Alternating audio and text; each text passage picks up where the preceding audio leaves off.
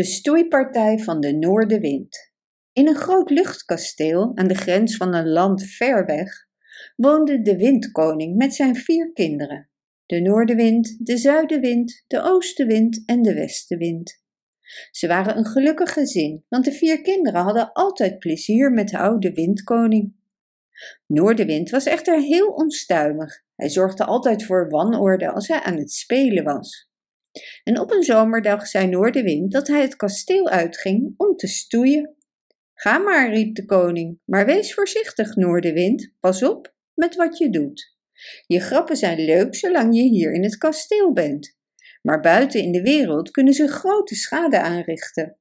Woehoe, was het enige wat de koning hoorde als antwoord. En de noordenwind blies zichzelf weg uit het kasteel naar de nabijgelegen tuin.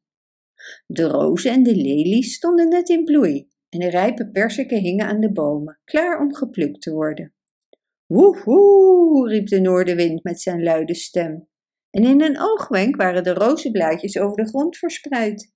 De stelen van de lelies waren gebroken en de rijpe perziken vielen op de grond, in de modder. Op de velden veroorzaakte hij nog grotere schade. Hij brak de tarwestengels en rukte onrijpe appels van de bomen en gooide ze in het rond. Hij rukte ook de bladeren van hun takken en smeet ze alle kanten op in de lucht. Een oude boom heeft hij zelfs volledig ontworteld. De mensen konden er niet meer tegen. Ze gingen naar de windkoning die in zijn kasteel de controle had over het komen en gaan van alle winden. En vertelden hem wat de slechte noordenwind had gedaan en hoe de tuinen en velden hadden geleden onder de ellende die hij had veroorzaakt.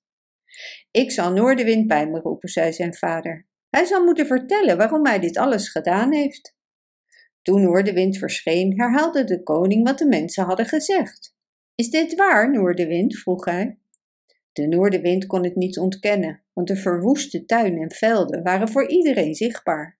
Waarom deed je het? vroeg de koning. Oh, antwoordde Noordenwind, ik bedoelde het echt niet gemeen.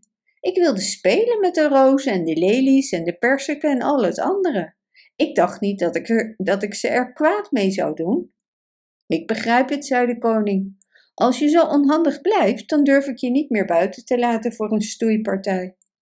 Ik moet je de hele zomer gevangen houden in het kasteel. In de winter, als er geen bloemen en fruit meer zijn, mag je naar buiten en zo onstuimig zijn als je wilt. Ik zie dat je alleen geschikt bent voor de tijd van ijs en sneeuw en niet voor de tijd van de bloemen en het fruit.